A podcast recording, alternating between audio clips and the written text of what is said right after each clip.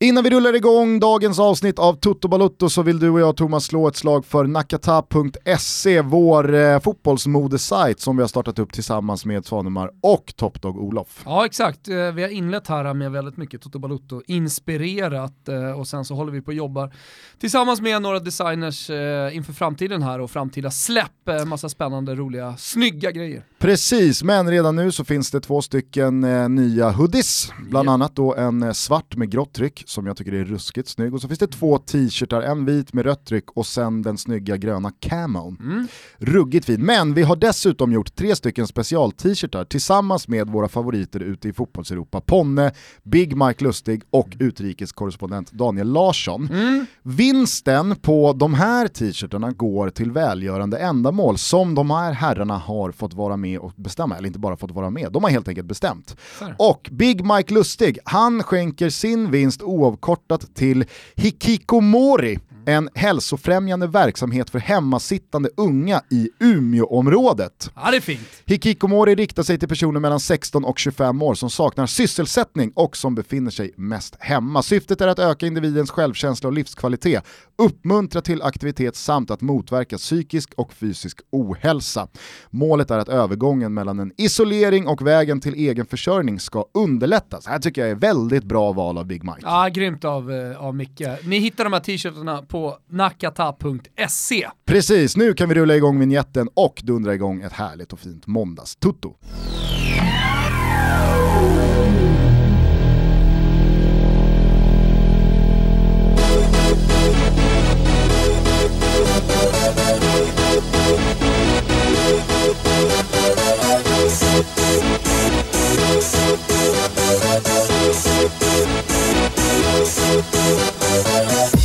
For this. Varmt välkomna ska ni vara till Toto Valuto. Vi skriver måndag den 8 april i kalendern. Vi tar dessutom av oss både mössa och hatt och tackar för alla fina ord om vårt avsnitt tillsammans med Olivia Skog som vi släppte i slutet på förra veckan. Det var väldigt många fina reaktioner. Ja, väldigt lyssnat också i och med att jag har tillgång till eh, statistiken som når upp där bland toppavsnitten. Det var kul. Mm. Och den här eh, episoden föranledde ju eh, folkfesten på Friends Arena i lördags som du var på med, eh, hur många tjejer var det egentligen? Ja, vi var både Älvsjö AIKs flickor 09 hela truppen och eh, min eh, samt eh, våra, våra goda vänner i Jarlaberg och Bo FF och så vidare. Så att, eh, det, var, det, var, det var många många tjejer som var där och hade jävligt roligt ska jag säga. Hur var upplevelsen? För att jag menar, det är ja, inte men... varje dag det spelas damfotboll i den här stan med 25 000 plus på läktaren. Nej, jag vet. Vi pratade mycket om förebilder tillsammans med Olivia Skog och vikten av att unga tjejer som spelar fotboll också har sina förebilder. Eh, det, det är, jag tror att det, det finns en tröskel till att eh, verkligen omfamna Mohamed Salah till exempel för en nioårig tjej. Det är lättare för en kille, av någon anledning. Eh, det, är i alla fall, det är i alla fall min spaning och som jag pratade väldigt mycket med Olivia efter eh, programmet också. Stort tack till henne, jag vet att hon lyssnar eh, för att hon hakade på till eh, eh Djursholm och faktiskt var med på hela kuppen. Eh, och där var det ju inte bara mina tjejer utan eh, en, en jävla massa andra hundratals tjejer som, som tyckte att det var grymt kul att få träffa henne. Eh, det märktes också sen på Friends eh, när, när hon kom in. Det var ett jävla liv kan jag säga från långsidan där vi satt. Mm. Det var mycket flickor 09 tjejer. Nej men det var ah, helt otroligt. Det, det, det är så man, det är så man, eh, så man blir idol. Jag, jag, jag är inte så här jätteöverförtjust till att eh, Stellas största idoler har varit i alla fall varit Bianca Ingrosso. Sitter och pumpar liksom Wahlgrens värld. Vad är det för förebild frågar man sig. Men jag har ingen aning, kanske en jättebra förebild också, så det är, inte, det är inte så. Däremot, ja men du vet, så, så gamla, gamla gubben man har blivit så har man ändå ifrågasatt det. Är det verkligen bra så här? Nu har de då bytt på mobilen bakgrund från eh, Bianca Ingrosso till Olivia Skog. Eh, vilket värmer hjärtat på mig, får mig nästan lite rörd. Men eh, såg du eh, utöver det här då, på läktarna att det, det, var en grogrund till att tusentals mm. unga tjejer, och det var väl killar där också, att, att de fick upp ögonen för landslagsspelarna? Absolut, plan. ja men och det är det det är.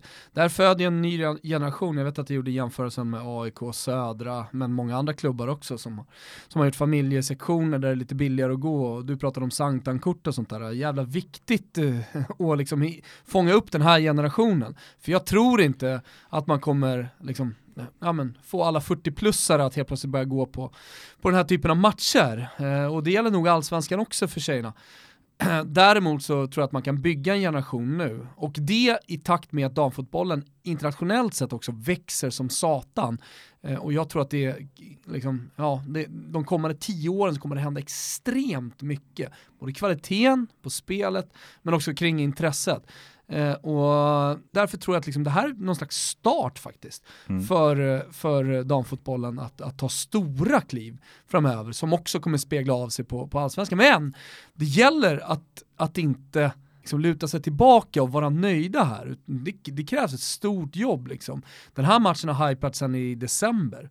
Eh, jag tror att det är många allsvenska klubbar och, och landslaget för all del liksom ska, ska ta rygg på det här man redan har gjort och, och fortsätta att jobba vidare och jobba hårt. Jag såg också att du sprang in i eh, förbundets ordförande Karl-Erik Nilsson och twittrade ut att du eh, sprang in i Jörgen Lennartsson.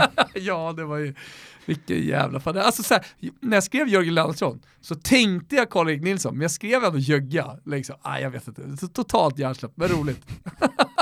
Vad tyckte du om eh, tröjorna då? Jag eh, dissade ju eh, damlandslagets ah, nya tröja och så sa du att ah, men man ska vänta med ah. och eh, se dem på. Ja men det är sådär, alltså, jag blir förbannad. Förstod du vad jag på... menade i alla fall med det här svarta, marinblåa på sidan? Ja, fast, fast samtidigt så här, jag har varit på det här länge, när det kommer ut en bild på en tröja på nätet, alltså alltid bara på tröjan, så är det en så liten del av vad faktiskt den här tröjan är. Utan det kommer ett par shorts, ett par strumpor, det, det kommer en passform när den sitter på spelarna. Jag menar, släng ut den gamla kappatröjan från det italienska landslaget som alltid hyllas från 2000. Ja, men, fan, det, det, är väl någonting liksom på bild, men på så blir den så jävla snygg. Och jag måste säga att uh, det här, men hela stället satt ju otroligt jävla bra. Mm. Ja. Eh, så att, nej, det, var, det var ruggigt och sen så ju, att man använde sig av den lite marina snarare än royal blå. Alltså det, det, ska alla svenska landslag i all framtid syssla med. För det är så jävla mycket snyggare. Men du körde Royal Blå i din uh, kindmålning. ja, det var, det, var det som erbjöds Gusten. Det var det som erbjöds. Ja, jag blev glad när jag, ja. såg, uh, jag såg dig dyka upp i tv-sändningen där med någon slags badmössa och uh, flaggmålning på ja, kinden. Är det, inte, är det inte lite jävla märkligt att folk inte uppmärksammade någonting på sociala medier? Fan, vi sitter ändå här och gör Sveriges största fotbollspodd va? Jag var ju ändå med i sändningen. ja, de kanske trodde det var Karl-Erik Nilsson. Karl-Erik Nilsson satt på läktaren. Ja, eh, och inte bara. Där var ju även eh, Janne Andersson. Ja. Jag såg när han gick in med familjen, blev muddrad. Nej. Jo då, visst så. Klev in du vet, vid sektion A, som ligger liksom mitt emot eh, Mall of Scandinavia ingången där. Mm. Alltså, liksom smet han in, folk stod och tittade. Men det var ändå större fokus på Lotta Schelin och, och eh, Victoria Svensson tänkte jag säga, men hon heter inte Svensson längre hon har ju bytt för hon har gift sig. Men det gjorde hon väl ja. efter avslutad karriär, Exakt, så att i ens hette, ryggrad yes. så heter hon fortfarande Victoria Svensson. Precis. Det är inte Erik Berg aktuellt, alltså Erik Johansson som gifte sig med Carina Berg, Precis. bytte namn, men han är fortfarande aktiv och spelar i Djurgården och Allsvenskan. Ja. Då blir ju namnbytet mer frekvent och så jobbar man in Erik. Berg. Victoria Svensson, det är någonting med sand. Sandell. Sandell, där har du det. Victoria Sandell, så heter hon.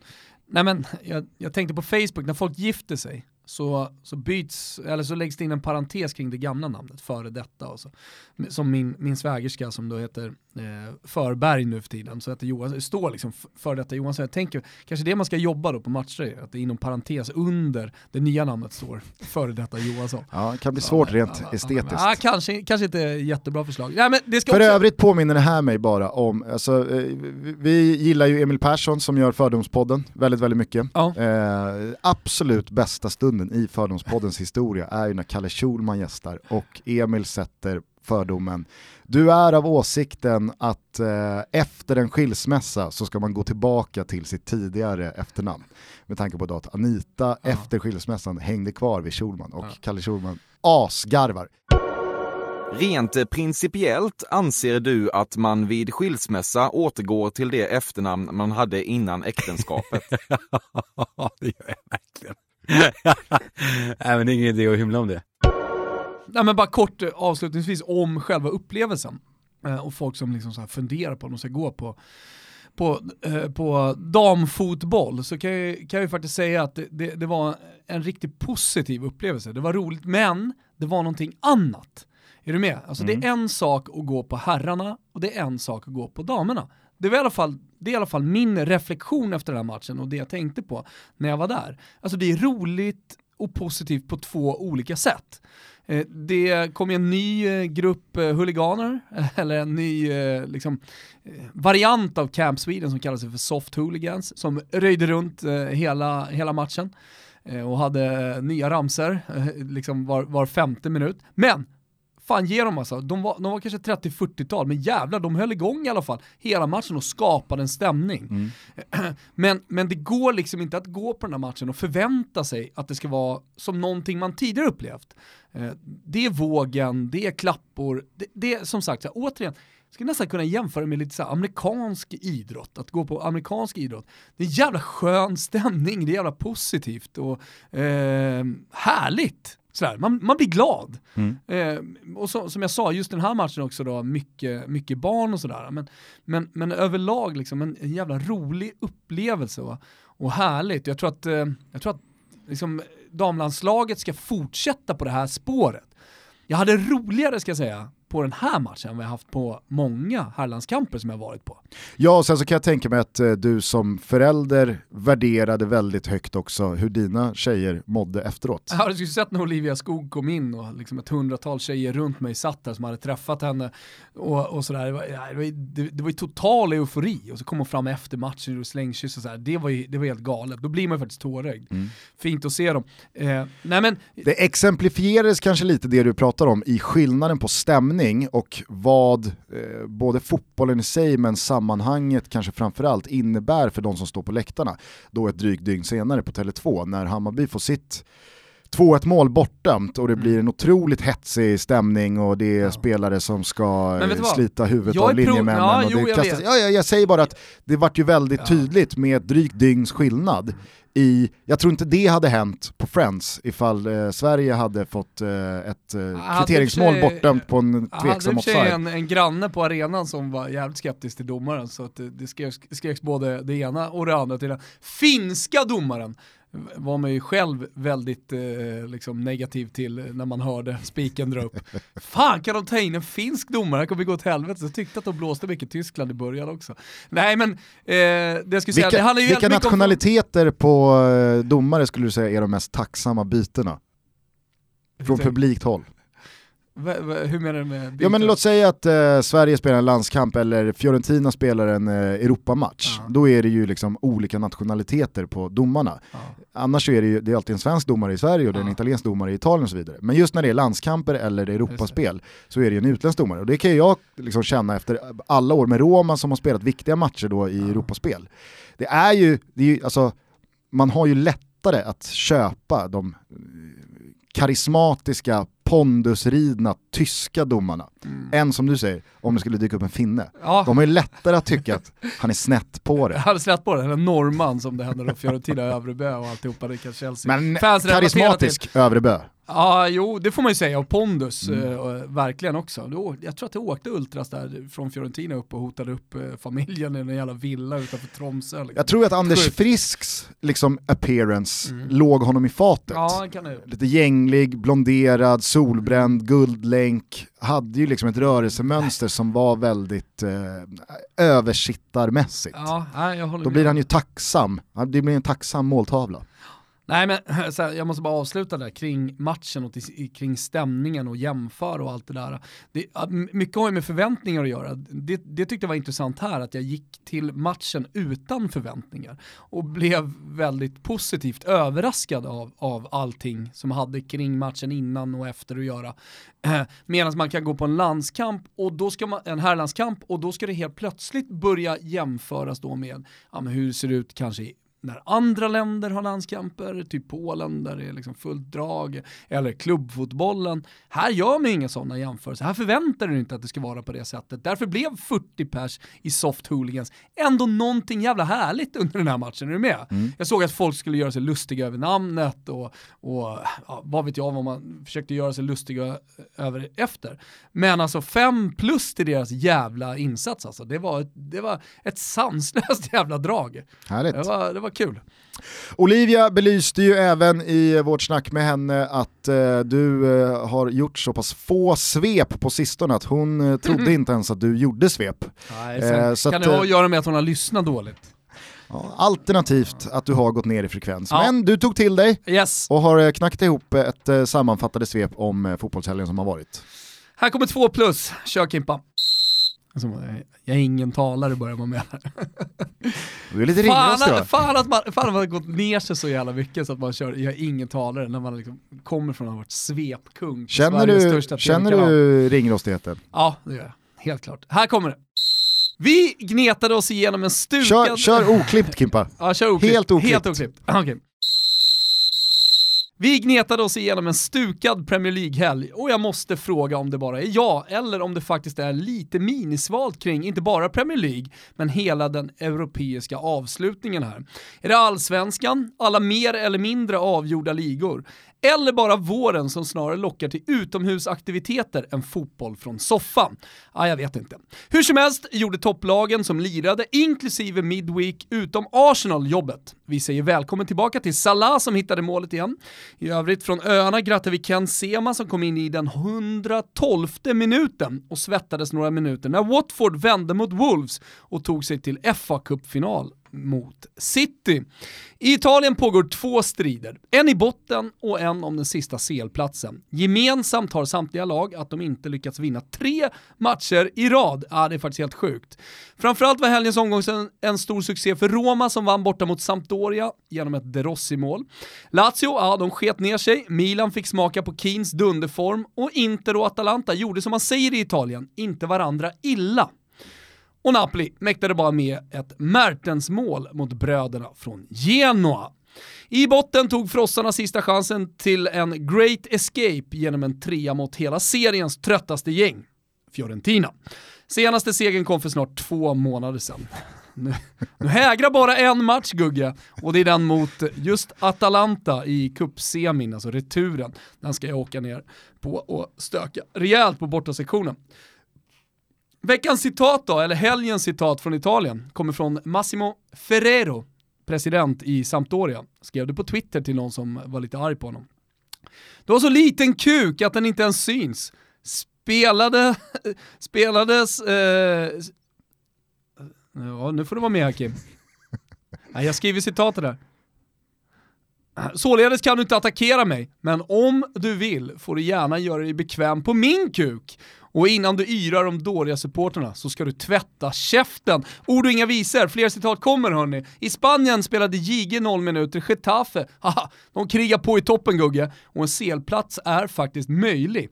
Pepsi, Leo, satte 2-0 mot AM, eh, som spelade större delen av matchen mot en man, med en man mindre, efter att Diego Costa sagt citat “Jag bajsar på din mamma”. slut citat.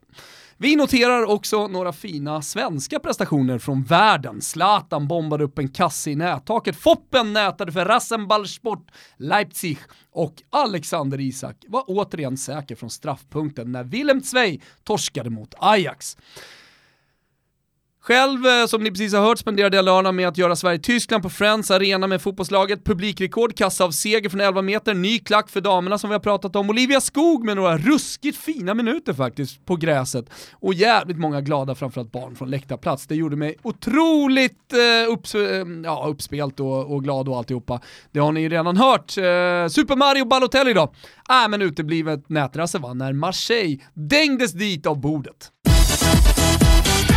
Härligt! Ja, men jag kände ju här nu att eh, jag liksom kanske inte hade haft med det där eh, med eh, att jag var på Friends Arena i och med att vi har pratat så mycket om det. Det blev över, ö, överdrivet. Men det är eh, oklippt. Ja, och det var dessutom med i svepet. Någonting Jo, som men- vi pratade med Olivia om att Jo, jag vet, självklart ska vi pratade- dra vårt Jo, strå till stacken här också. Jo men det blir löjligt när vi precis har sagt saker, vi kan inte upprepa sig. Men hade, hade Kim klippt där nu så hade han klippt bort det. Så ni förstår att Toto är liksom också en producentpodd. Utan Kim, ett jävligt dåligt Toto så att säga. Ja, det får man säga. Nej, men jag tycker du eh, satte fingret på någonting, kanske inte rent generellt eh, en och en halv månad tillbaka i tiden och en och en halv månad framåt i tiden, men just den här helgen så var det faktiskt ganska avslaget europeiskt, trots att det var väldigt många fina matcher. Barca AM till exempel, vi hade den där fina Wolves, Watford, eh, alltså Italien Juventus, hade vi stora, Milan. Juventus, Milan eh, och så. Det var Der Klassiker, där Bayern. München, eh, kanske du skulle haft med i svepet då, eh, manglade Dortmund med 5-0 och eh, ja, mer eller mindre Ja. säkrade ligatiteln. Däremot så var det ju faktiskt så att PSG kunde de facto vinna Ligue 1 så här tidigt som i första helgen i april. Men den hårt bespottade värvningen av Stokes Erik Maxim Choupo-Moting, han ville annat och stod för, ja, är det banne mig den sjukaste missen man upplevt. Ja men det är den värsta, man har ju sett många så inspel och sen så någon som då bränner över ofta av en konstig anledning. Mm. Eh, från Johan Elmander. Johan Elmander har en sån här klassisk Ah. sanslös Men det finns ju flera bom. stycken, vi har pratat flera gånger i Toto Balotto om det här, så här, att se unika eh, sekvenser på en fotbollsplan 2019, det, det, är- det är svårt att hitta dem. Det är svårt att eh, hitta ett nytt unikt mål. Där har vi hyllat Zlatan jävligt mycket och han ska hyllas där. För Mm. att, liksom, det, det, det, det kommer nya unika mål hela tiden. Jag minns även, eh, hette han eh, Jakubo Ayegbeni va? Eh, Ja. Gamla Everton och Portsmouth-anfallaren som eh, huserade i Lasse Lagerbäcks nigerianska landslag under VM 2010. Han stod också för en sån här helt otrolig miss, vill Mm. minnas att det var från matchen mot Argentina. Men ingenting är ens i närheten av Choupo-Motings miss. För de som inte har sett det, jag rekommenderar alla att ta sig in på sociala medier och ganska lätt tillskansa sig det här klippet. För att han missar alltså när en del av bollen redan är inne.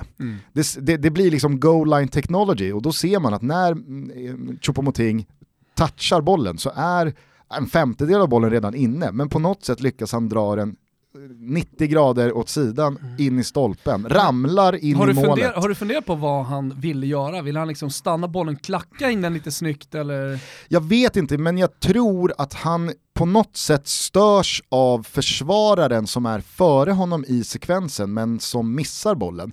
Men när han då missar bollen så borde han inse att nu behöver jag inte ens röra bollen. För den kommer gå in, alltså den kommer studsa in. Så att varför han ens ska på och kladda den, ja det går väl bara att förklara med att han ville ha sitt namn i målprotokollet. Jo, Men vad han försöker göra, nej, jag vet faktiskt inte. För, för, för det är inte så att han drar den med någon kraft i stolpen, att han nu, nu rakar jag bara in den här från eh, mållinjen. Eller att han försöker klacka, det är bara, det är ett helt oförklarligt ögonblick. Och eh, kamera, eh, bildproducenten landar ju på eh, killen Mbappé som sitter på bänken. Och hans ansiktsuttryck, det är också he helt obetalbart alltså. Nej, sanslöst. Så att eh, PSG får vänta några dagar på den där ligatiteln. Eh, seger hade tagit dem upp till en ointaglig eh, ledning.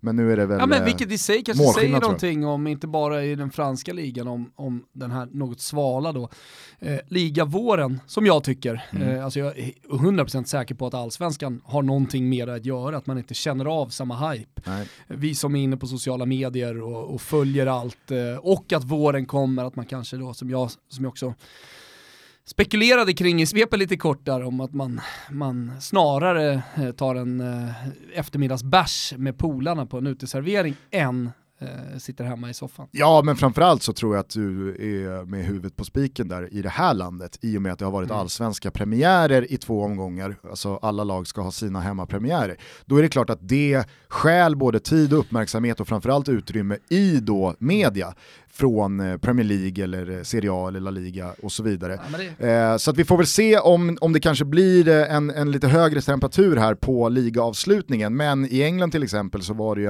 en fa Cup semifinalhelg där matcherna på förhand inte är några... Alltså, det, det var, kioskvältare det var inga direkt där. kioskvältare, Manchester City, Brighton, det är en sån här match som man behöver inte ens kolla på den. Eh, Watford Wolves vart ju en, ett, en otrolig match, men det blir ju inte, det kanske inte blir eh, den matchen som gemene man i det här landet knäpper på. Hörde du Troy Deeney där efter matchen? Såg du intervjun? Nej, jag såg bara intervjun Ja. som Jonas Dahlqvist gjorde med Kenka Sema. Ja, ja men eh, lyssna på Troy Deeney här då. yeah, it's a long, hard stint to get here, and that's kind of the emotion that come at the end. And I was, I, I'm not gonna lie, I was holding back the tears because it's like I used to pay to play football. What, 12 years ago, I was paying 10 pound a week to play football, and um, yeah, now I'm going to be in the FA Cup final. Granted, against Man City, against a very difficult team, but I think every now and again you just have that moment when it's just like like a wave of emotion kind of hits you, and I'm like, I'm a big tough guy that everyone knows, but it was just like, nah, do you know what? This one's for you and for everybody that was upstairs. That's who I uh, I just went up and said like, thank you. Like, just had a moment with my mum, which was which was special. It was special. Yeah. Ja, nej men eh, det är faktiskt roligt för att när han gör 2-2 eh, på straff eh, under tilläggstiden, ordinarie minuten och tar matchen till förlängning, då tänkte jag faktiskt hemma i soffan. Undra om det här är ett sånt här ögonblick där Troy Deeney i sitt firande och i sitt vrål hinner känna att fan vad det var värt det. Fan vad alla timmar, alla år, alla träningar, alla liksom eh, tunga svackor, allt har lett fram till det här ögonblicket. Och satan vad det var värt det. Alltså det, det, det, det tänkte jag faktiskt ja, hemma i nej, men soffan och- när jag upp- såg honom smälla in och 2-2. där. Uppenbarligen och sådär att han vill inspirera, att han vill prata om det, inspirera folk, inte bara då eh, fotbollsspelare som ska tro på det. För att jag menar, de är inte speciellt många. Så att, eh, att, man, att, att man kan inspireras av hans eh, eh, liksom fotbollskarriär och vad han har gjort och att han har krigat på trots att han inte alltid har mått jättebra. Det, ja. Ja, nej, det är verkligen eh, mäktigt. Det var ju en otrolig match också. Eh, hans straff i sig, den var ju inte, den var ju väldigt mycket Troy Deeney. Han bombar ju alltid allt vad han har högt någonstans i mitten. Den är ju faktiskt Ruddy ganska nära att ta. Men i den här matchen så gör ju Delofeu ett mål som faktiskt eh, tog sig in på min radar från den här helgen. För jag tyckte att hade den här helgen någonting så var att den hade en otroligt stor mängd riktiga klassavslut. Jag har ju i ett par år eh, Började för- fört en liten kamp eh, mot eh, då, vad är en världsklassavslutare i och med att jag inte har hållit Mohamed Salah eh, till den skaran. Eh, Men å andra sidan så kan man ju säga så här, han har, han har ju världsklassavslut. I alla mål han har gjort så har han ju några världsklassavslut så att säga. Och, och, och, och det finns ju i det min det värld... du pratar om världsklassavslut, alltså enstaka från helgen. Exakt, Ja. exakt. Ett världsklassavslut gör ju inte någon till en världsklassavslutare. Nej, okej. Precis som världsklassavslutare kan ju stå för riktigt dråpliga eh, avslut. Ta till exempel då Vidar Örn Kjartansson Yes. som har värvats tillbaka till allsvenskan, tidigare skyttekungen i Malmö, spelar nu i Bayern har haft lite motigt med just målskyttet i de här två första matcherna, får ju ett sånt superläge mot Kalmar i första halvleken och skickar iväg ett avslut som Ja, jag Vet du vad, vet du vad Bajarna på läktaren så normalt sett skriker skjut efter att en mittfältare fått bollen utanför straffområdet efter en hörna, sa i det läget. Nej. Den hade ju min morsa sa! Ja, ja, men, ja. Och här kan det till och med vara liksom, morfar eller Ja, farmor. mormor brukar Ja. dyka upp. Mm. Eh, så att, jag menar, jag håller inte Kjartansson som eh, någonting annat än en klassavslutare Han i och det kommer. på en allsvensk nivå. Men även, även de spelarna kan Jag stå tar, för jag tar ju snarare då, så som eh, eh, Fantomen brukar vända på det när han pratar om expected goals, Mm. så tar jag ju med mig de här, de här missarna av Kjartansson eh, till nästa omgång att så här, fan, nu är det nästan garanti på att han kommer sitta. Ja. För de sätter han normalt sett. Och att han befinner sig i situationerna. Så att, eh, ja. Ja, Nej men inför då eh. Champions League-kvartarna som börjar spelas imorgon tisdag så eh, pratade just eh, Ola om det här i fotbollslabbet förra veckan och belyste då att Mohamed Salah är en av de som har sämst conversion rate i Champions League sett till expected goals med vad han har skakat ihop. Och då fick jag lite vatten på min att. Salah kanske inte är en superavslutare kvarn. Vad händer? Jo, han avgör ju då borta mot Southampton under fredagskvällen med ett riktigt Dunder. klassmål. Alltså, han tar bollen från egen planhalva, driver den och avslutar ju Han ska, kliniskt. han ska egentligen passa, får man ju säga där. Men när han sätter den då går det, då går det inte att, eh, att uh, lyncha honom. Men får jag bara säga en sak, eftersom Ja. det har varit midweek, vi ska inte prata om midweek nu. Bakade ihop det när jag pratade om att topplagen vann. Men jag såg eh, Hanna Fredsberg på Twitter skriva, är det här årets krydd alla kategorier? Och det var ju då Eriksen som efter eh, Tottenhams 3-0-vinst, första på nya arenan, sa att han behövde öronproppar för att det var sånt, eh, liksom, sån ljudvolym på nya arenan. Det är ju årets krydd! Ja det är klart att det är krydd, men det är väl någon slags publikfrieri. Jo, jag vet, men det är, det är ett ruskigt krydd. Ja, ja visst. Visst. Ja. visst, Tottenham är hemma igen på sin nya Jag tycker fan hemmaarena. Hanna Fredsberg ska ha något för den tweeten. Den, den, den, är korrekt. Det, var, det var ju en uh, ruskigt pampig uh, premiärtillställning i alla fall. Ja, det var På den där det arenan var. när Spurs Ja. mötte Crystal Palace. Och Det att Niva var där. det var, ja, det är klart Ja, han var där. ja. Ja. men det var ju det var ju några sångnummer innan avspark som var... ja. Nej, det, det, de, de, det var en kvinna och en man som sjöng någon slags duett. Mm. Kanske kan lyssna lite på det om det går att få in.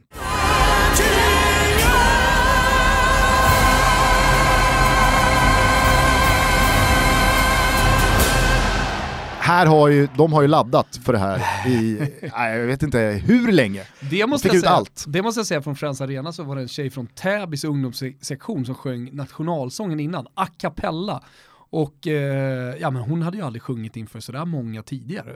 Eh, jag vet faktiskt inte storyn bakom varför just hon sjöng, men det var typ liksom att hon har vunnit att, att sjunga nationalsången. Och gjorde, det blir, det blir extra bra. Alltså återigen, du kommer in med förväntningarna. Shit, kommer hon göra bort sig här nu? Man såg att hon var nervös, svalde precis innan på jumbotrådarna. Och jag tänkte bara helvete, nu, nu, nu blir det ingen rolig framtid här. Tänk om hon liksom, ja, det bara går åt helvete. Lite som det gick för mig när jag skulle sjunga för tusen pers på Oscarsteatern. Mm. När vi avslutade våra, vårat avsnitt 200 med Redemption Songs. Och trots succé under ge- genrepet eh, så gick det åt helvete och folk började bua och kasta tomater på oss på scenen. Hell, ah, för fan vilket jobbigt moment. Ja, det var alla ingen skräll att du tappade texten där och då. Hur som helst, tillbaka till de här klassavsluten. Du ser eh, Delofeus eh, reduceringsmål för Watford. Och det är också så här, fan unikt alltså. Ja, men han står helt stillastående, alla står och väntar på movet, det är täckt vad det gäller avslut, i alla fall längs backen och i kroppshöjd. Så att han måste på ett ganska kort avstånd i en väldigt svår vinkel skruva bollen högt så att den singlar ner så inte Ruddy i uh, Wolves-målet kan nå den. Och då kan man inte bara, det här är ju liksom en detalj som, som jag, jag, jag tror inte att alla tänker på. Men om man ser det här målet igen och ser hur han låser benet och i chippen vrider det inåt för att få med sig den sista skruven. Ja, alltså det, det är liksom så här, gör han inte det, snärtar han inte till den utan bara chippar den utan skruv, så kommer han inte få vare sig höjden eller droppet på den och framförallt då inte skruven. Så att, nej, det är sånt jävla otroligt vackert mål och ett så här riktigt världsklassbeslut som han genomför. Sen älskar man ju också alla de här spelarna som, som, som är klassspelare i grunden men som inte blir Leo Messi, som ligger precis bakom. Så att det blir inte Barcelona, Manchester City. Ja, I Delofeus och fall så vart det ju verkligen inte Barcelona. Nej men det blev verkligen inte det. Men det finns en plats för honom också i toppfotbollen. Han kan göra de där grejerna i, eh, i Watford. Ja, verkligen. Och det, ja, det är härligt. Alltså det är en, en, eh, en kategori, en, en egen kategori spelare. Mm. Alltså nummer 10-typen, alltså Maradona-typerna, som inte når hela vägen fram. Det är kanske de man, kanske de man lite nostalgiskt kommer ihåg från 90-talet, vi som var med då och växte upp, eller hur? Han, kanske fira, de man hyllar extra mycket nu. han firade ju som Maradona, Delofeu. Exakt, han sprang På, ju på faktiskt Wembley där. Har du några sådana? Störde Kristoffer Svanemar något oerhört, hörde jag här nu på måndagmorgonen. Men har du några sådana annars, sådär, som inte nådde hela vägen fram men som du ändå omfamnar? Alltså om man tar bomber-varianten där så har du ju Dario Hübner. och- Ponne. Alltså, Alltså nu, nu, Ja, nu har man ju lämnat då idag? rollen, liksom så här, nummer 10 och den spelartypen. Men jag, jag tycker ju Ponne är ett väldigt bra exempel på någon som kommer till en av de största ligorna, så Serie A kanske blir då en spelare som inte sticker ut kvalitativt. Och sen så tar eh, han eh, sin show vidare till eh, andra divisionen i England till en sån klassisk klubb som Leeds och blir liksom hela stadens uppburne frälsare. Ja. Men jag, jag har ju två stycken från Fiorentina, alltså om nu ska prata modern, hyfsat modern tid. Mm. Det, det är inte minst Fabrizio Miccoli som gjorde sin grej först Fio och sen Palermo. Och, Framförallt Palermo får man väl säga. Ja, det är där man kommer ihåg honom från, absolut. Men, men alltså, verkligen klassspelare, men hade förmodligen inte det här mentala för att nå hela vägen upp. Eh, en, en annan är ju faktiskt Adrian Muto, som många trodde skulle bli en av de bästa i världen. Nu gjorde han sin grej i Champions League och så här, men han vann ju aldrig Champions League. Han var ju fortfarande ett hack ner. Mm. Typ Deulofeu. Ja. Är du med på kategorin Giovinco. här? Giovinco har en annan, absolut. Nådde landslagen men blev aldrig mm, det. Eh, Ricky Lambert, kommer du ihåg honom? Ja, Som eh, också på tal då om Troy Deeneys eh, karriärhistoria, eh, gick från, han, han jobbade väl i en rödbetsburksfabrik vill jag minnas. Han stod och liksom fyllde burkar med rödbetor och skruvade in och ställde på bandet. Och kämpade på i eh, gärdsgårdsserierna och tog sig högre och högre upp och till slut så spelar han i Southampton i Premier League och är en sån här jävla monsterbomber. Och är helt otrolig kommer till Liverpool som är då hans favoritklubb, köptes väl för en 100-150 miljoner kronor, får nummer 9, floppar ju rätt ut. Ja. Det gick inte. Han kunde inte spela i Liverpool. Men Gigi Gianluigi Lentini, en sån spelare från 90-talet som jag tror många av de lite äldre som lyssnar på den här podden, 40-plussarna, minns skulle bli världens bästa spelare men som kraschade med Porschen. Men han körde med, han fick ju punka, satte på ett så provisoriskt däck, brassa ändå 180 med Porschen. Så, så, ja. Skulle, borde jag dött. Ja. Alltså, det, han smackade ju den rejält. Men klarade sig men kom aldrig tillbaka till den, den absoluta toppen. Gjorde dock eh, rejält fint i Torino efter då, och minns ju inte minst därifrån. Nej, men I Spanien så finns det jättemånga sådana här öden också där man har testat vingarna i antingen då Real Madrid eller Barcelona och det blir ett eh, snäpp för högt Ja. för en och så funkar det inte alls och så får man gå tillbaka istället eh, ett hack. Ta Asier Iramendi eh, som var Borja helt... Valero, alltså, Ja. alltså mm. Nej men eh, absolut, Eh, en, en fin kategori spelare i alla fall. Mm, verkligen. Vi är denna vecka sponsrade av Seat Stockholm och Tompa, nu när vi skriver april i kalendern så vet du vad det innebär. ja, jag tänker att vi kommer en dag i alla fall hela tiden närmare att gatorna sopas där ute. Mm, dels det, eh, om det inte redan gjorts. Det har jag Alltså sett det på är, ju, flera det är håll så och kanter. jävla härligt när gatorna sopas. Nej, men april månad betyder ju framförallt att eh, den nya supersuven Taracco finns istället, men att det också sitter sommarsulor på bilarna nu. Ja, det, det är faktiskt helt underbart. In på seatstockholm.se och boka en provkörning av Taracco eller någon annan bil i Seat Stockholms ställ. De har väldigt förmånliga och smidiga privatleasingsdealar. Så är det, och så vill vi bara säga hej till eh, Micke på Seat, vår gubbe. Snart är det dags för fickparkeringstävlingen. Följ Seat Stockholm också på sociala medier, där heter kontona Seat Stilm, så missar man inga erbjudanden och nyheter. Tack till Seat Stockholm för att ni är med och sponsrar Toto Balutto. Stort tack. Ja, ja, tillbaka till eh, klassavsluten, världsklassavsluten från helgen som gick. Luis Suarez gör ju en otrolig säsong, lite i skuggan av Lionel Messi i och med att Messi gör en helt fenomenal säsong också. Barcelona har ju chansen på eh, trippen, ligan, Copa del Rey och Champions League. De har ju minst sagt en tacksam eh, lottning här i kvartsfinalen, sett till vad man hade kunnat få. Eh, och i matchen här nu mot eh, Atletico Madrid så är ju Jan Oblak, eh, men han är ju en vägg i 85 minuter eh, och visar ju att han kanske ska ha titeln världens bästa målvakt. Hur som helst, i den 85 minuten så får ju då Suarez bollen av Jordi Alba, behöver inte säga mer om Jordi Alba, ni vet vad jag tycker om honom. I en... En pungkula. Visst. 4-5 meter i diagonal position utanför straffområdet. Lägger bollen på ett eh, till rätta för att borra in den och så viker den med fart, med precision. Den är alltså utanför stolpen hela vägen tills den smiter in med den sista skruven. Oblak ligger helt utsträckt. Vad kan han vara med utsträckt arm? 2,30? Ja. Något sånt. 2,40. Och det finns liksom inte en enda millimeter som bollen kan gå till höger, för då går den i stolpen och så går den inte in. Och den kan inte gå en enda millimeter till vänster, för då når Oblak den. Så den smiter in precis bara där den kan. Äh, det är sånt världsklassavslut och jag tycker det är så Ja, men de målen är ju liksom, de, de, de dyker ju sällan upp som wow, såg du Suarez mål, vad snyggt det var. Men det är så fruktansvärt fulländat. Eh, måste också ge det till Karim Benzema. Vilken comeback han gör karriärmässigt. Från eh, ja, men, allt det som började med att han bråkade sig bort från landslaget, var icke önskvärd där, till att han i ett Real Madrid som Ronaldo bar blev väldigt mycket ifrågasatt och han gjorde så få mål. Eh, nu post Ronaldo så är det ju inte speciellt många spelare i offensiv riktning i Real Madrid som kommer undan med godkänt den här säsongen, men Benzema har ju verkligen steppat upp. Och de två målen han gör i vändningen i matchen mot Eibar här i helgen, alltså att nicka Dels att hitta positionen, dels att skaffa sig det utrymmet, men just att trycka ner bollarna i backen så att de, eh, den första då studsar upp i taket i krysset. Aj, så fint alltså. det, är, det är sådana världsklassnickar Benzema bjuder på gånger två här i, i matchen där. Eh, Det lite, finns platser.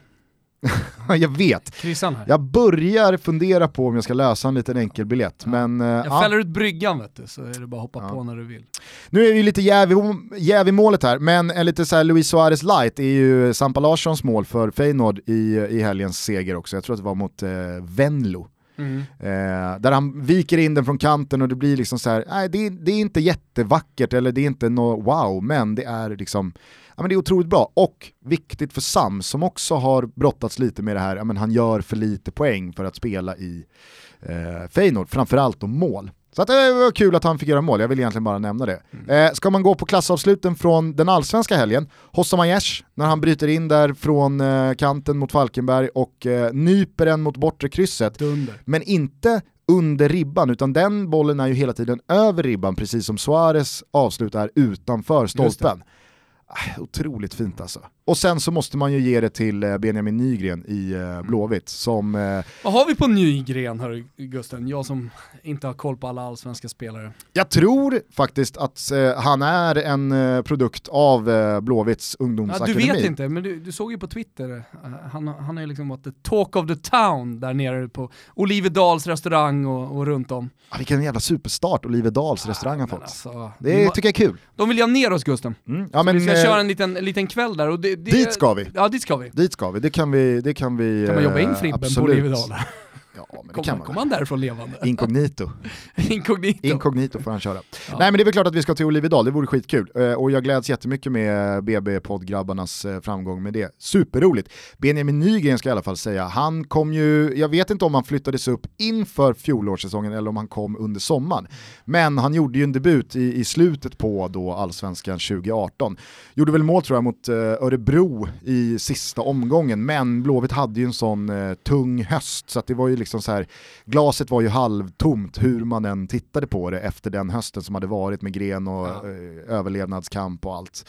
Men eh, jag tycker verkligen att Blåvitt eh, förtjänar en eh, eloge här. Hur de reser sig, dels efter premiärförlusten mot AFC, men också efter den inledande halvtimmen mot Elfsborg, för då är det, det är spel mot ett mål. Alltså jag, jag, jag känner bara så här. Vad håller IFK Göteborg på med? Mm. Det är som att Elfsborg spelar en kuppmatch mot ett division 3-lag. De kom ju inte ur sitt eget straffområde, de stod bara och slog bort bollen och tjongade iväg den. Så jävla rätt. Det är det enda de ska göra. Det är så man spelar för sin överlevnad. Det är så man har insett vilken situation man befinner sig i som klubb och som fotbollslag. Nej, men tycker, så, ja, men helt ärligt alltså, fan, ibland måste man bara go back to basic Ja. och, och inse att det här handlar om överlevnad och ingenting annat. Nej men sen så får de ju 1-0 och så 2-0 direkt på det och det var det målet jag ville landa i för där tycker jag att Robin Söder, han, han, han får ju eh, tillåtas ta sig ganska långt eh, väldigt eh, klent av Elfsborgsförsvaret måste man Mm. säga.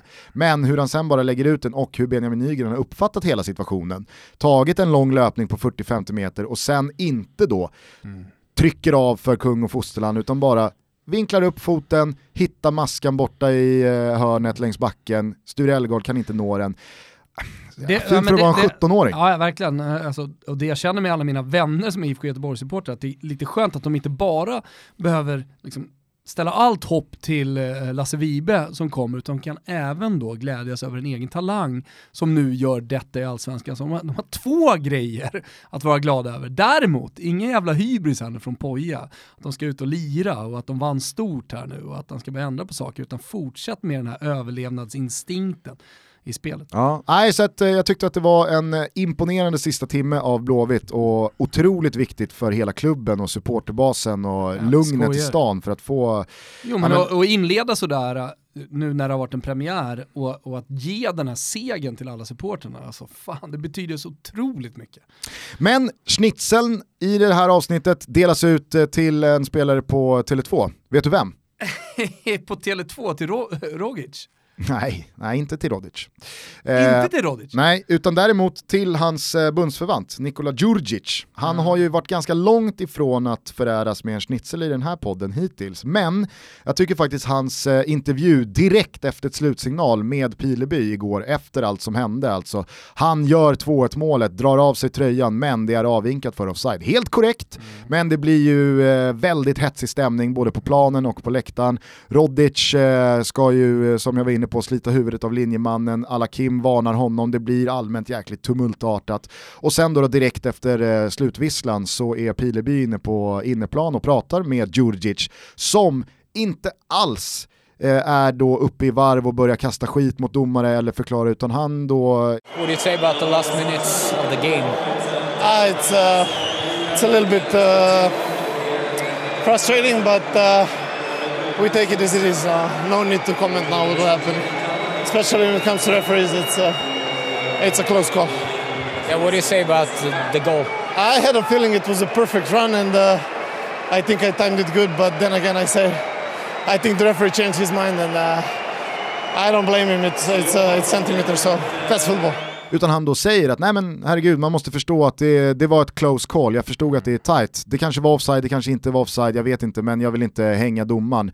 Eh, det, det, får man förstå, det är fotboll och vi, vi, har haft chanser innan att eh, avgöra det här. Så att, eh, vi... Men han har ju insett situationen Ja, också. och det tycker jag är jäkligt imponerande gjort, att han i en väldigt tumultartad tid, sen den här guldfesten på Soapbar, eh, så har han ju blivit attackerad från eh, höger och vänster, alla håll och kanter. Och dessutom då när Kjartansson kommer och det börjar ryktas om att Djurdjic ska lämna och äh, men han, eh, han missar straffen i eh, cupkvarten mot, eh, mot Djurgården. Och det, det, blev ju, det blev ju en, en period där man kände att så här, frågan är om inte det bästa här nu är om Djurdjic faktiskt lämnar. Men jag tycker att eh, både hans eh, insats prestationsmässigt, alltså han gör ju mål och är riktigt bra i andra halvlek, men framförallt hur han, hur han behåller lugnet i den här intervjun och är väldigt vettig i sina svar. Äh, det, det, det gjorde mig glad. Ja. Jag, jag, tyckte att det var, cred förtjänas. Mm.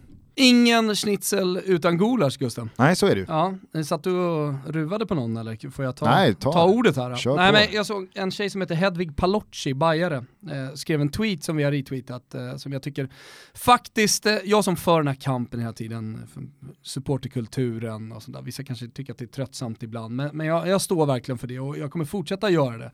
Alltså gulasch då till Cissi Wallin och alla, tweeten säger så här, ja du Cissi Wallin, det var en lynchmobb, alla barn grät, alla var helt skräckslagna. Jag vet inte exakt vad hon har skrivit, eh, den här tragiska figuren, men, men jag, jag misstänker att eh, det har någonting att göra med Bayerns marsch att göra, för att eh, filmen som Palocci lägger upp här, det är då på några barn som går med grön rök i den här fantastiska marschen som går från Medborgarplatsen hela vägen upp till eh, Tele2 eh, Arena. Alltså att folk kan få det Alltså, det här, vi, vi pratar om eh, folklore, det här, är, det här är kultur liksom.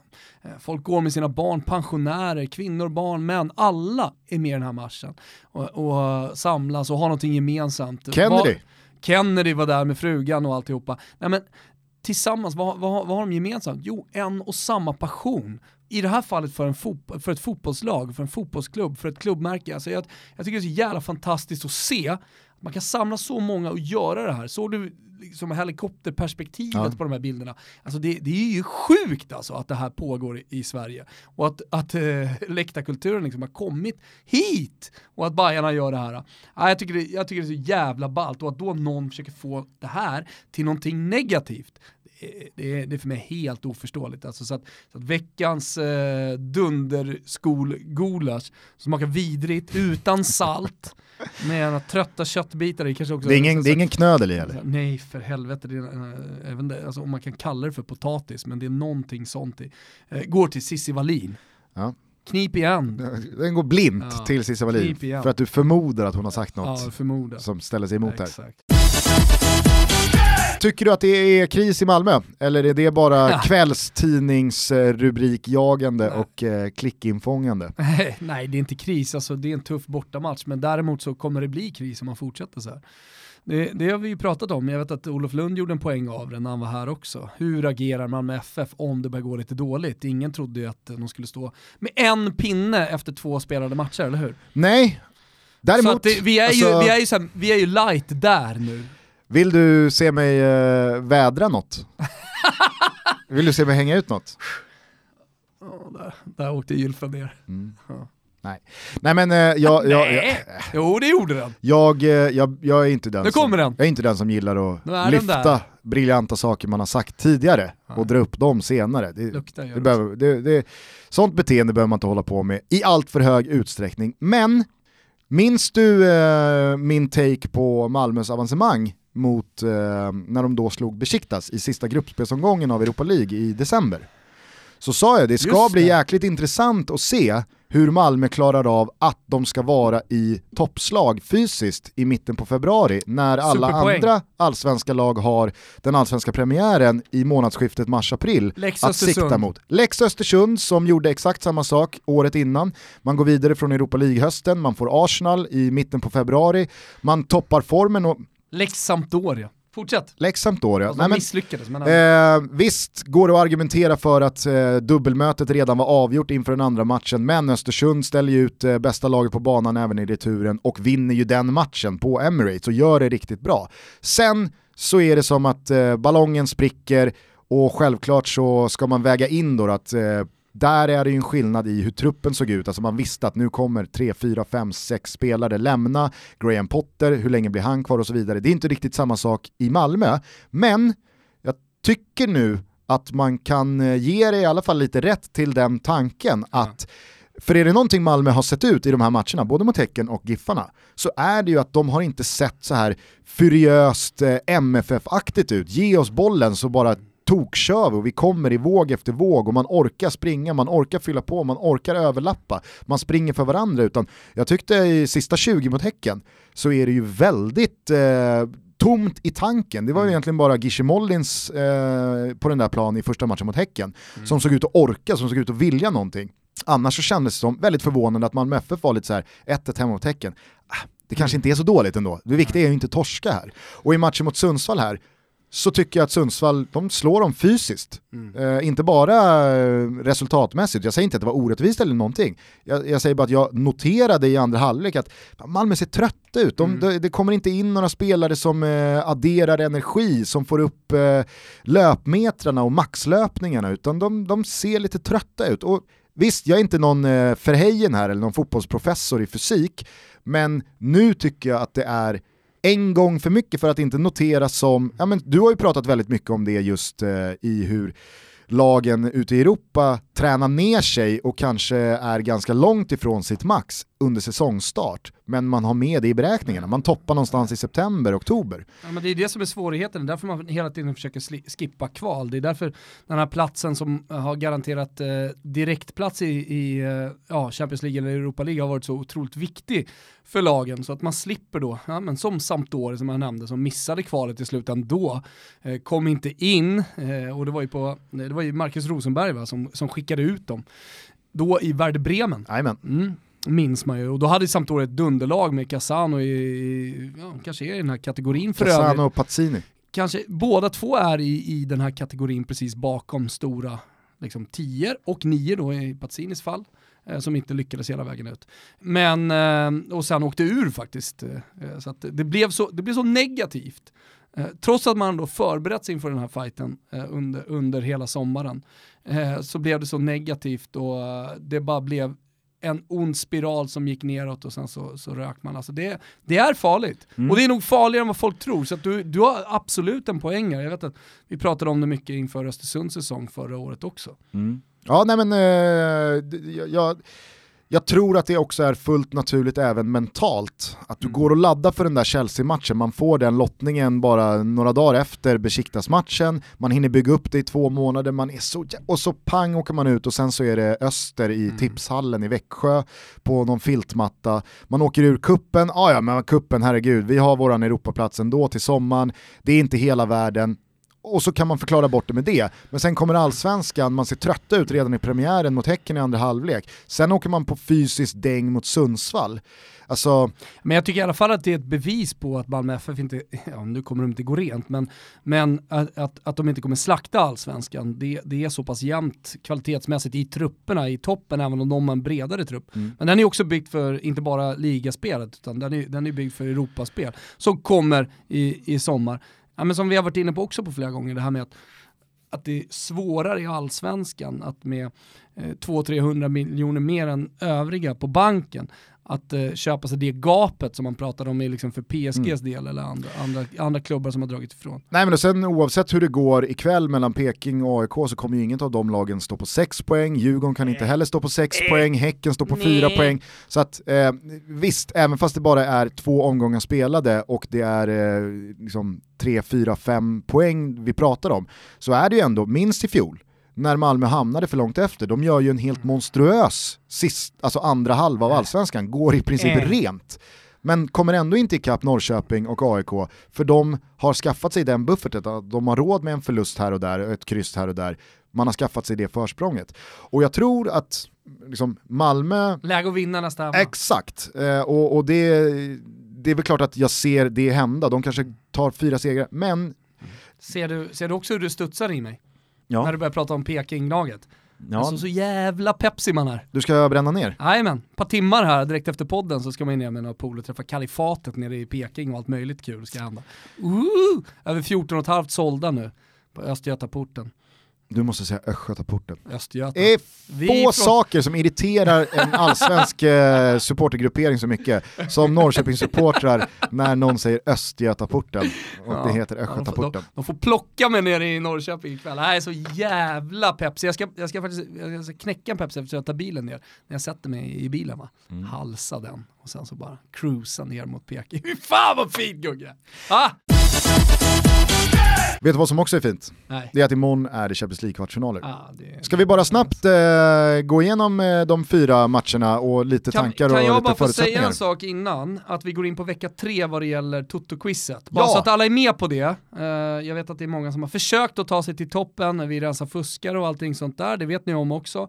Men gå in på totoquizet.se, var med nu! Det är bara två veckor kvar för att ta sig till finalen. Dunderpriser! Precis, antingen så tar man sig till finalen genom att briljera med sin fotbollskunskap, eller så tar man köksvägen genom Ja. att vara den som bjuder in Ja. flest polare att också joina Toto-quizet. Det ligger eh, superfina priser i potten, bland annat då hotellnatt och eh, biljetter till Sverige-Malta i början av juni och eh, första priset det är en resa till Spanien och EM-kvalmatchen mellan Jannes gäng och Spanien. Så att Mm. eh, ni har ju själva, det finns både heder och ära och eh, superhärlig belöning att hämta via totoquizet.se. Tack till Betsson för att ni är Mm. med. Och tack, Tack. till Pepsi också för att ni förser eh, Thomas mage med eh, så här mycket kolsyra. Ja, jag tror inte jag har hållit in en rap en enda gång i det här avsnittet. Nej, man hörde hur du blåste ut den under svepet. Ja, det stämmer nog. Ehm, vad sa vi? Jo, Champions League-kvartsfinaler börjar Ja. imorgon och det är två matcher som spelas fan inte i folk England. koll på, den, på, på kvartsfinalerna Gustav. Det är Liverpool-Porto och eh, Tottenham mot Manchester City imorgon. Onsdag så är det Ajax mot Juventus och Manchester United mot Barcelona. De satt hörru. Mm. Vad ser du mest fram emot? Jag eh, måste nog säga att jag ser fram emot Tottenham-Manchester City. Jag tror att eh, man inte ska räkna bort Tottenham här. Nej. Jag tycker att Manchester City, även fast man har radat upp segrar, inte har imponerat så här jättemycket på sistone. Dessutom så är det lite doubt på Kun Agüero, kanske den spelaren man är allra mest beroende av i de här typerna av matcherna. Kevin De Bruyne, ja visst, han är väl fit for fight, men han har inte spelat speciellt mycket fotboll på sistone. Fernandinho har också precis kommit tillbaka från skada.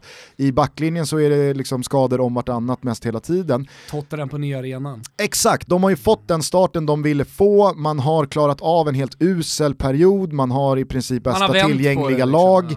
Harry Kane tror jag är ruskigt sugen på att göra en pyts igen, så att... Eh, Fan vad du håller på att vända med här. då. jag kan tänka mig att eh, både spelarna men också Pochettino eh, är rejält Plus- sugna på att visa vart skåpet ska stå, och jag ser det som fullständigt orimligt att det här ska vara avgjort efter första matchen. Tror du att eh, Pep Guardiola och spelarna då, att han, Jag menar Pepsi Guardiola. just han ja, Mm. Pepsi Guardiola, eh, tror du att han är nervös? Alltså, för mig så är Pe- Pepsi Guardiola aldrig riktigt nervös, utan han bara liksom matar på. Men just inför de här fighterna, kvartsfinal i Champions League, eftersom han har misslyckats nu i så många år att ta sig hela vägen till finalen, så är det fan sömnlösa nätter. Tror du inte det? Ja, och så Och att det liksom på något sätt sprider sig till spelarna. Ja, och så kramar dessutom Liverpool ur sig en ny vändning där de Ja. vinner sent så att eh, det finns ju ingenting att slappna av i vad gäller titelracet. Ken Sema och, och bröder ska, Ja, och det är, så att säga, det ska är göra sitt i FA Cup- eh. Man kan ju också vända på det och säga att det ser jävligt bra ut för City, att de har häng på ligatiteln. De är i kvartsfinal, fan det är klart de ska klara Tottenham. Ja. Och ja, men, det beror ju på hur man lägger fram det såklart också. Eh, det finns ju positiva delar här med. Men det finns någonting med de här matcherna, de här stora matcherna, som, som Pepsi inte riktigt har grejat. Nej. Nej, i synnerhet inte då med Manchester City eh, och Bayern München. Så att, eh, man får väl anta att han är ruskigt laddad, så att jag ser fram emot den här matchen otroligt mycket. Nervös alltså. Liverpool-Porto, den ser jag som avgjord redan innan den ens har visslats igång. De mötte ju varandra i åttondelen i fjol mm. och då slog väl Liverpool-Porto med 5-0 på Dragao i första matchen. Så att det här är sån klasskillnad att det, det nej, det, det, det, ska inte ens gå. Däremot så måste man ju säga Ajax-Juventus.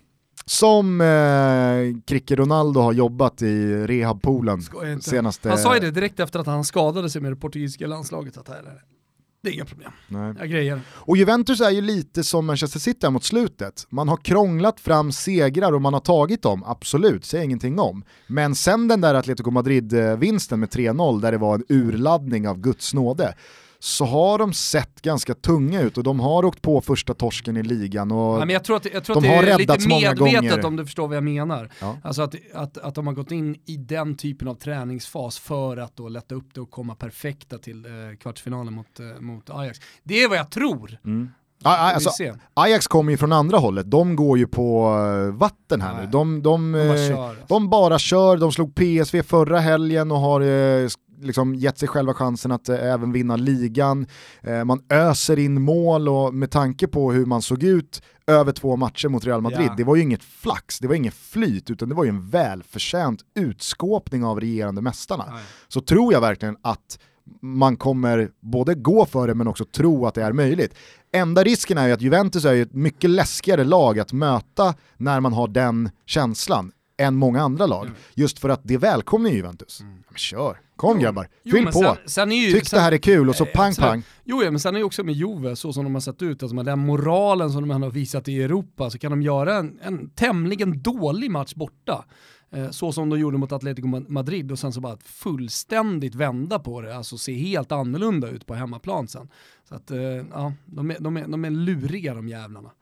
Och Manchester United-Barcelona skulle egentligen spelats eh, omvänt, mm. men eh, det gick inte för sig med tanke på det var möten i eh,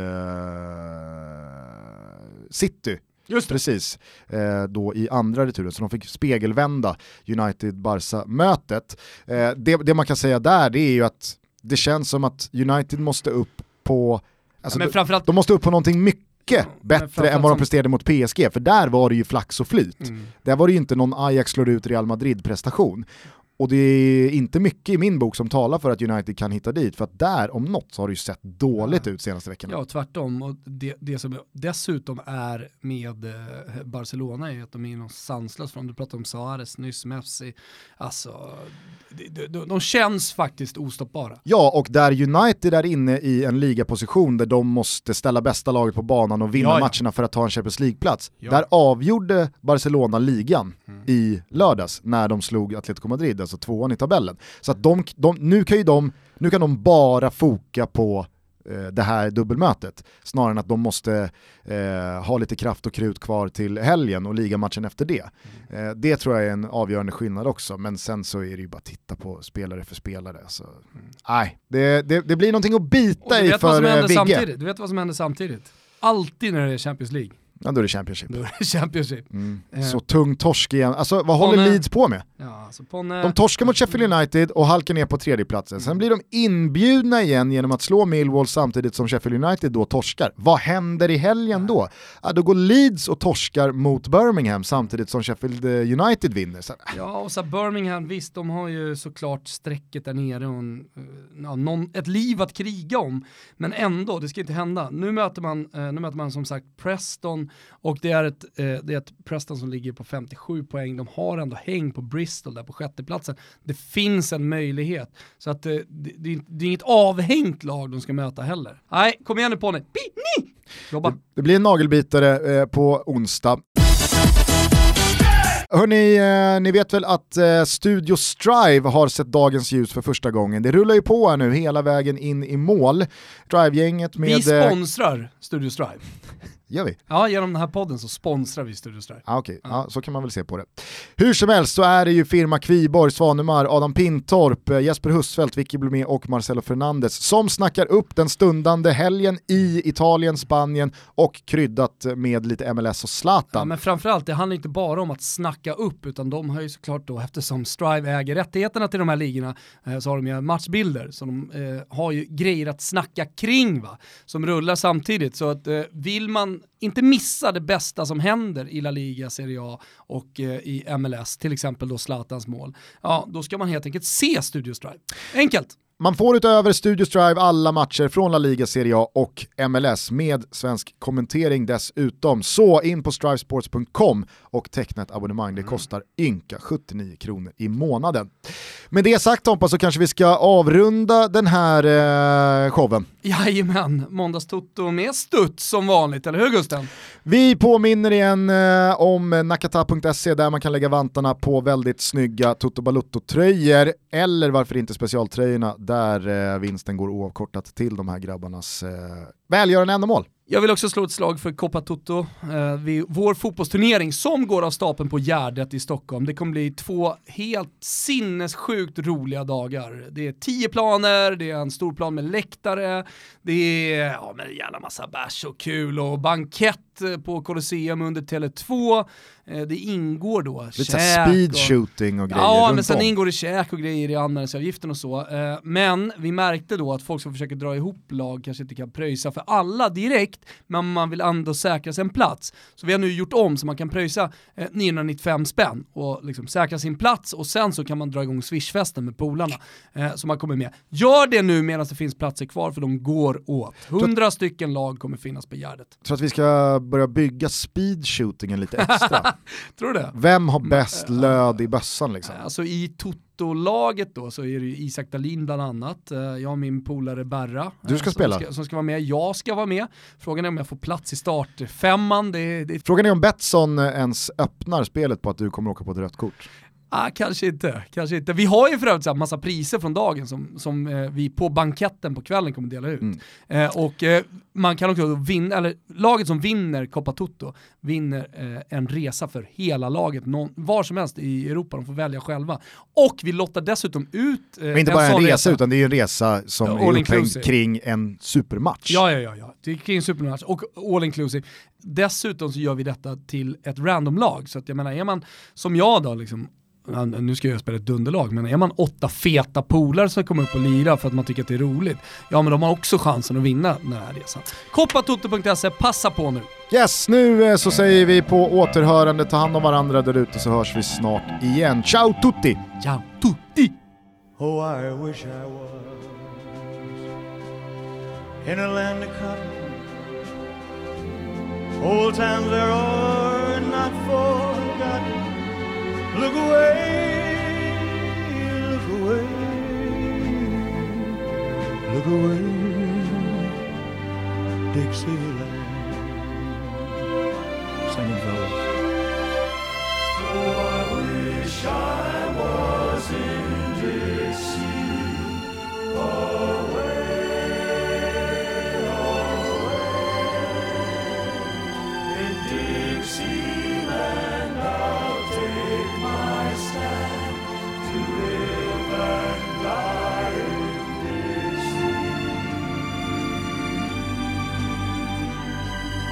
Dixieland it's where I was born. Early Lord, one frosty morn, look away, look away, look away, Dixieland.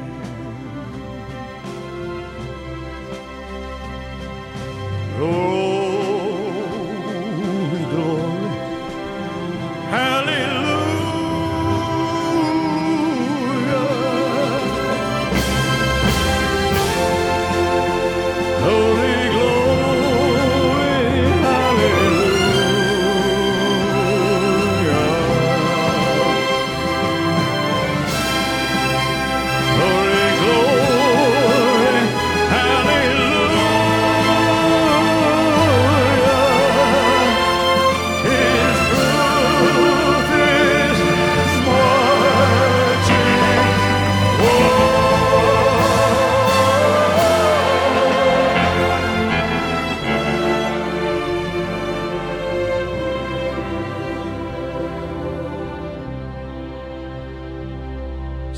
Hush, little baby, don't you cry.